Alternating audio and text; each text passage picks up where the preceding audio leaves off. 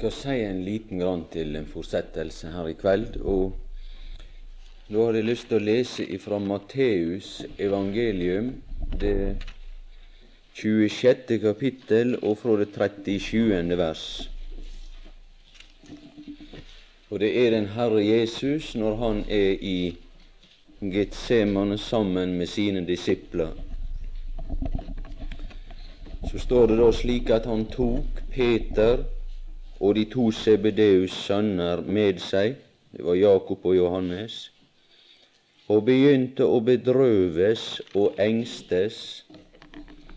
Da sier han til dem, min sjel er bedrøvet inntil døden, bli her og våk med meg. Og han gikk et lite stykke frem og falt på sitt ansikt og bad og sa, Min Fader, er det mulig, da la denne kalk gå meg forbi, dog ikke som jeg vil, men som du vil. Og han kommer til, til sine disipler og finner dem sovende, og sier til Peter, så var i da ikke i stand til å våke en time med meg. Våk og bed for at dere ikke skal komme i fristelse. Ånden er villig, men kjødet er skrøpelig. Atter gikk han annen gang bort og ba og sa, Min Fader, kan ikke dette gå meg forbi uten at jeg må drikke det? Da skje din vilje. Og han kom og fant dem atter sovende, for deres øyne var tunge. Og han lot dem være, han gikk atter bort og bad tredje gang og talte de samme ord.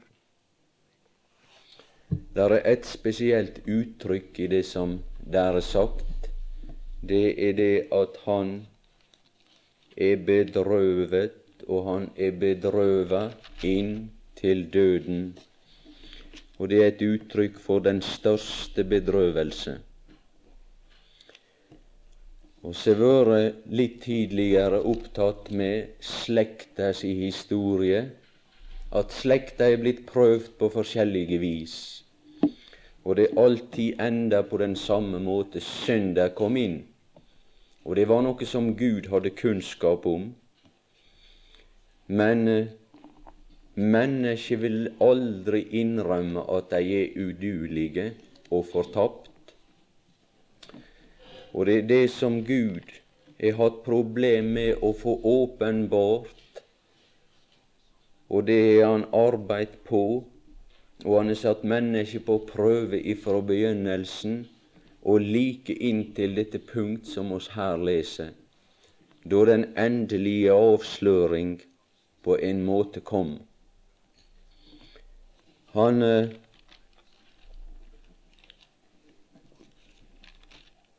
måtte på et tidspunkt utrydde alle levende ifra jorda på grunn av at ondskapen den var så stor at han måtte utrydde alle levende, med unntak av Noah.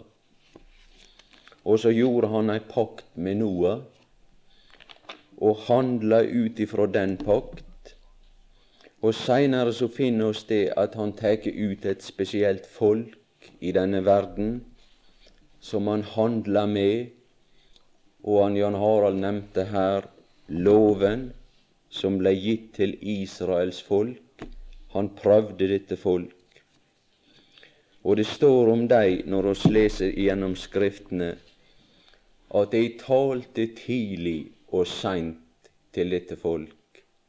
Og han sendte sine profeter med sitt budskap til formaning, og han formante folket til omvendelse. Men oss leser om denne historie at de som blei sendt til dem, de tok ikke dem imot, og de steina de profeter som Gud hadde sendt til dem, og forkasta deres ord. Og det kunne være, hvis det å skulle bedømme alle disse som har talt gjennom hele Skriften, ifra begynnelsen og til slutten, så finner du Moses, og du finner Samuel, og du finner alle disse som har talt Guds ord, og som er kommet med et bud ifra den levende Gud, så kunne du kanskje si det at de gjorde ikke det fullt så bra som de burde. Iallfall så finner oss det sjøl med Moses, at det var en liten skavank også i hans tjeneste og hvis du går til Samuel, så finner du også en feil hos han. Det går ut på at han klarte ikke å oppdrage sine sønner slik at de ble duelige til å overta embetet som dommer etter han. Og du finner David, som det er talt om gjennom, som kom med bud og herska over dette folk. Så var det også en feil hos David. Ja, ja, sier Gud, jeg får sende en som er uten feil, til å prøve menneskeslekta. En som er fullstendig uten feil, for å bringe det fullkomne vitnesbyrd om Gud, og gi et inntrykk av Gud som er det fullkomne bildet av Gud. Så får eg se hva menneskeslekta vil gjøre med denne personen. Kan være det at det, det er vel det er vel mulig at det ikke er bra nok nok av det som før er gjort. Så får eg sende min sønn, som er det uttrykte bildet av Gud, han som er fullkommen ifra først og til sist. Ja, ja, så ser oss hans tale gjennom hele evangeliet ifra først og til sist. Så taler han til dette folk og vitner for dem og formaner dem til omvendelse.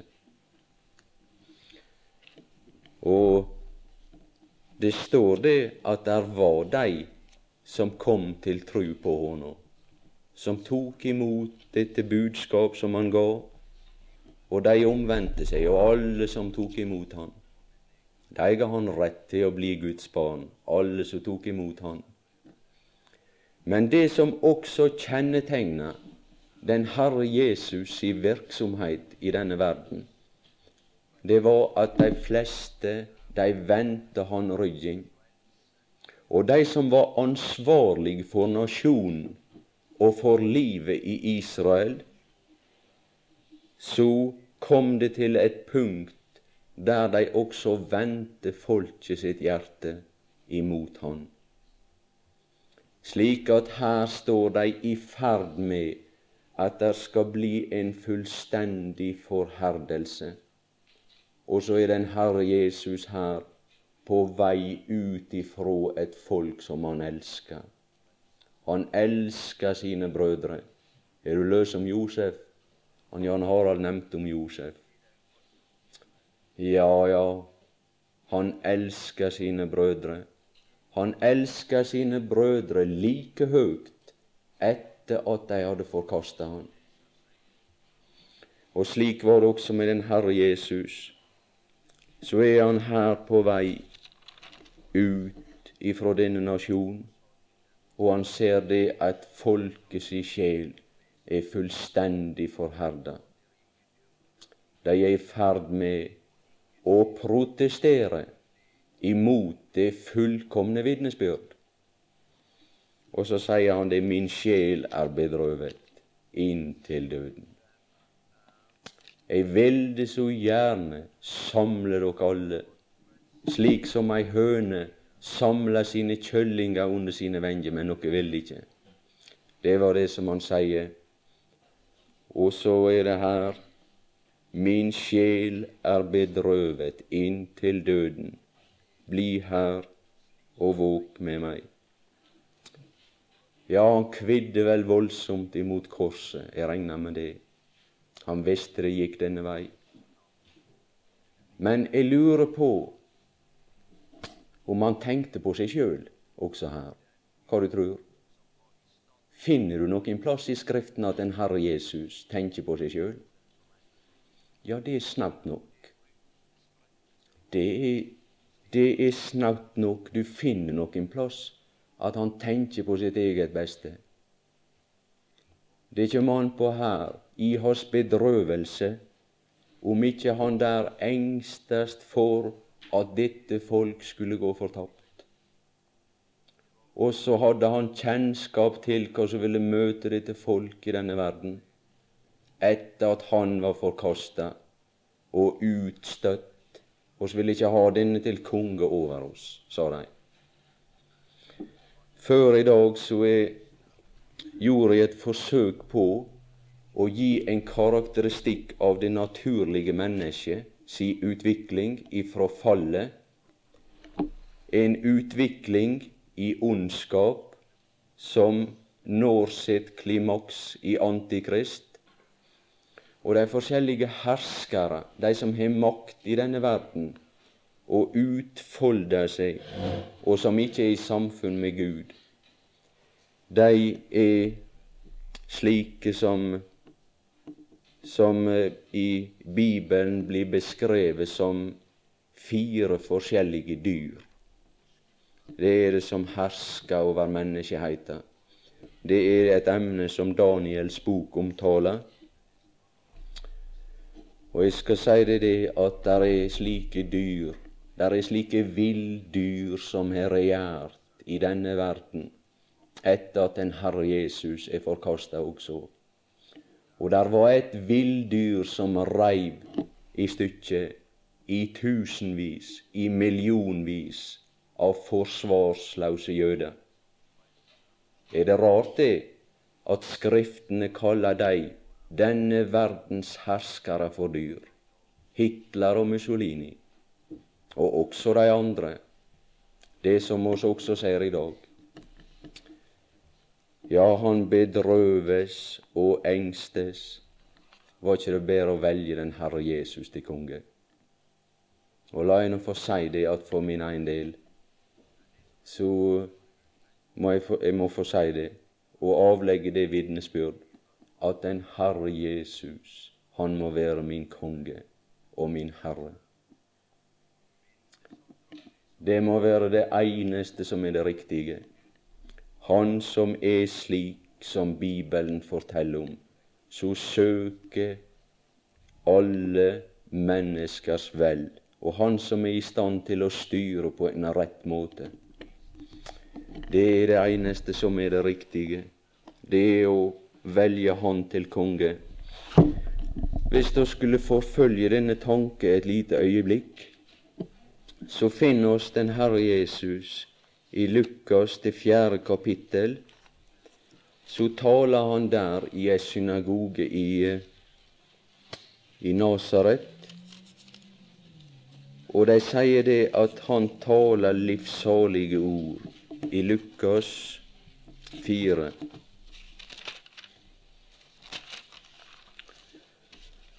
Og der gir han også et, et profetisk vitnesbyrd. De sier det her at ja, ifra det attende vers Herrens ånd er over meg, fordi Han salvet meg til å forkynne evangeliet for fattige. Han har utsendt meg til å forkynne fanger at de skal få frihet. Han nevnte det, han Jan Harald her at han er i stand til å sette de fangne i frihet, blinde at de skal få syn, og sette undertrykte i frihet. Og dette folk som var hans brødre, det er et folk som er blitt undertrykt alle sine dager. De er blitt skubba til side, de har aldri hatt noen plass i denne verden. Men den dag skal komme at de skal få sin plass og det er når Han sjøl skal herske over dei, og lov og rett skal utgå ifra Jerusalem, og de skal vende sine øyne til Han som de har gjennomstunget, og Han skal bli deres frelser og deres konge. Men så sier han det i det nittende vers, at det var for å forkynne et velbehagelig år fra Herren. Og det er et sitat ifra av en profeti som oss finner i Esaias 61. Han kom for å forkynne et velbehagelig år ifra Herren. Men i Esaias skal vi se det at denne profeti han inneholder også et tillegg.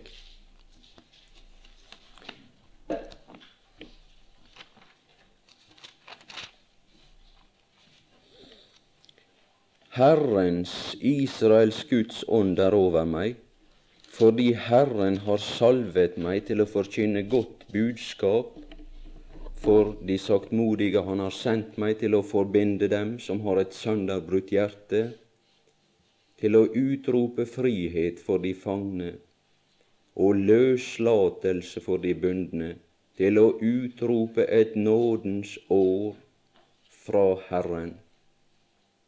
Og der stoppa han. Og der stoppa han når han las ifra denne bok, eller fra den bokrull som hadde disse ord i denne synagogen. Og så står han her i sammen med sine venner, og han engstest og bedrøvest. Og så lurer han på skal også det neste av denne profeti bli dette folk til del, det som der står. Han kvidde mot å uttale disse ord over dette folk. Men det er vel kanskje de som kjenner hva som står der. Det er en hevnens dag fra vår Gud. Det er når Gud skal, skal dømme de som går fortapt og Gud er alltid seine med å uttale en dom.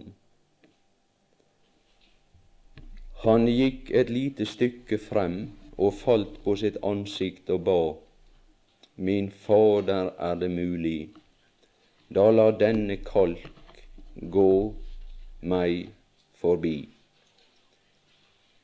Jeg skal ikke si det absolutt sikkert hva som ligger i dette uttrykk, men jeg går ut ifra at det kan ikke være mulig at det er tale om at han tenkte på han ville slippe å dø som et offerlam for å ta bort verdens synd. Det sikta han sikkert ikke til. Her ser jeg da et lam å gå som seg til dødens synder. Til offerstedet står hans hu for ja, det er en sang som, som er så fin der. Han, han sier det, han Paul Gerhardt. Og det er ei skildring av den Herre Jesus når han går til offerstedet. Så er det disse ord. Man viser alle piner frem, han svarer. Gjerne hvert et lem er ferdig til å lide. Ja, Fader, ja, av hjertens grunn, la skje som du vil skikke, la komme kun den bitre stund, jeg dødens kolk vil drikke. Og det er så fint, det som står der også videre. Så kan ikke ta det med.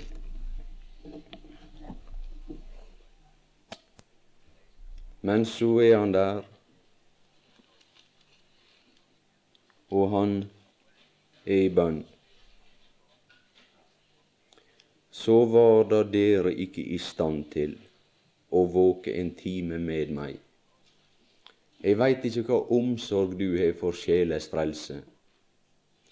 Jeg har følt meg anklaga så mange ganger, for det er det ligger ikke så voldsomt tungt på meg, kanskje. Jeg er lite bekymra for mine naboer om de skal gå fortapt. Og de som jeg arbeider sammen med, dog vil jeg si det at du tenker på det av og til. Og i grunnen er ikke oss i stand til å bære så kolossalt mye heller. Men i alle tilfeller, når alle andre har mist omsorga for et menneske Det kan være den som må si det om at det er lite håp for han, og det er lite håp for henne. Det er ikke noe å gjøre i denne situasjonen. Så er det iallfall en der det er omsorg og kjærlighet igjen hos. Dere var ikke i stand til å våke en time med meg. Og de hadde behov for å sove og hvile seg. Og i grunn, når du tenker på det, det er sagt her i denne forbindelse at dette er eders time og mørkets makt. Det var ei gruela ånd i denne natt. Vær sikker på det. Ja, det var tungt. Og det er det i grunnen også i vår tid. Det er ei vanskelig tid. Og det er få som er våkne i denne tid. Og i det 44. vers Han lot dem være og gikk atter bort og bad tredje gang. Han ba for dette folk hvor lenge? Han ba inntil Judas kom, og denne flokk og tok han. Så lenge var han i bønn. Så lenge hadde han bekymring for de som han så gikk denne tid og denne tilstand i møte, ute blant de ville dyr, rundt om i Europa, på de forskjelligste plasser.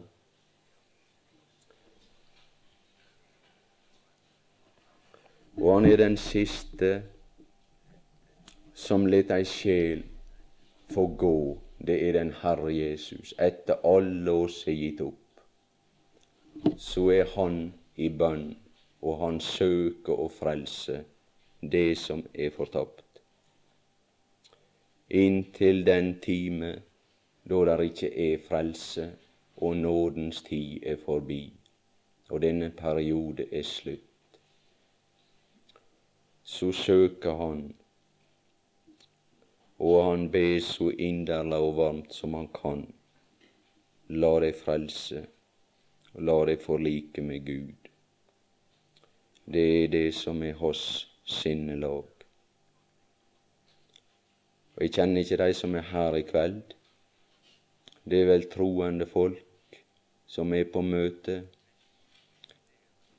Men det er iallfall sikkert folk også i disse bygder som er i behov av å bli frelst. På min heimplass og der oppe, der er det det som er det rådende. Det er det som er det alminnelige. Det er det at folk ingenting vil ha med den Herre Jesus å gjøre. Men han kaller enda på de som går sine egne veier, og så ber han om å få ta seg av dem og få redde deres sjel.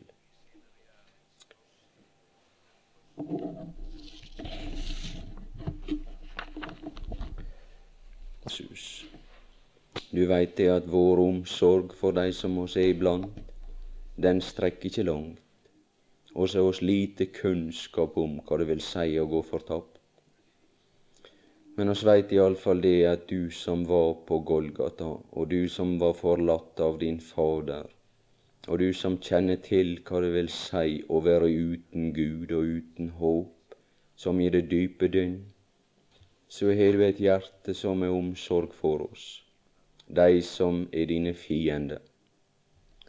Og så er det også sagt det i Skriftene at så meget mere etter at oss er blitt forlikt, så er du omsorg for oss, og oss ligger på ditt hjerte.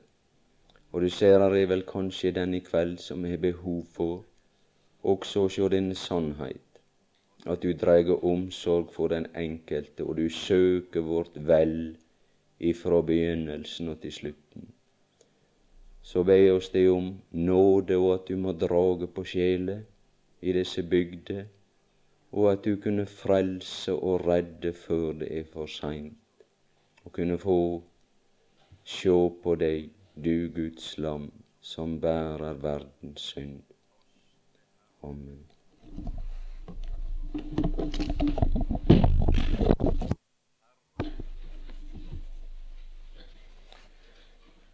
skal lese sammen ifra Romerbrevet, det niende kapittel,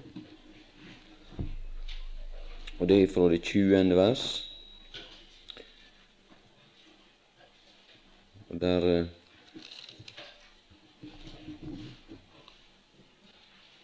eh, er bare en del vi skal ha med i, som utgangspunkt. Og det som blir innholdet, det er, da er ikke det bruk for det første ord som står der i dette vers.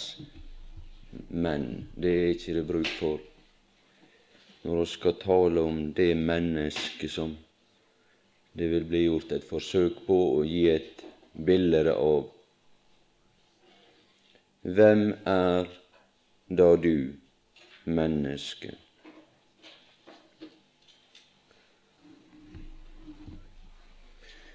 Ja, oss be deg, Gud, om nåde og hjelp og velsignelse over denne dag og over denne stund. Og hvis du kunne gi oss opplysning, sikker opplysning og innsikt, og slik at det kunne bli til gagn for oss og til hjelp og, og det som er nyttig å vite og ha kunnskap om, så, så be oss De om det. Du veit det at vår forstand, den kan jo ikke sannhet kjenne uten at din, den gode ånd, vil veilede oss. Det er det som er vår erfaring. Så tar det av oss, Herre, den enkelte av oss. Amen.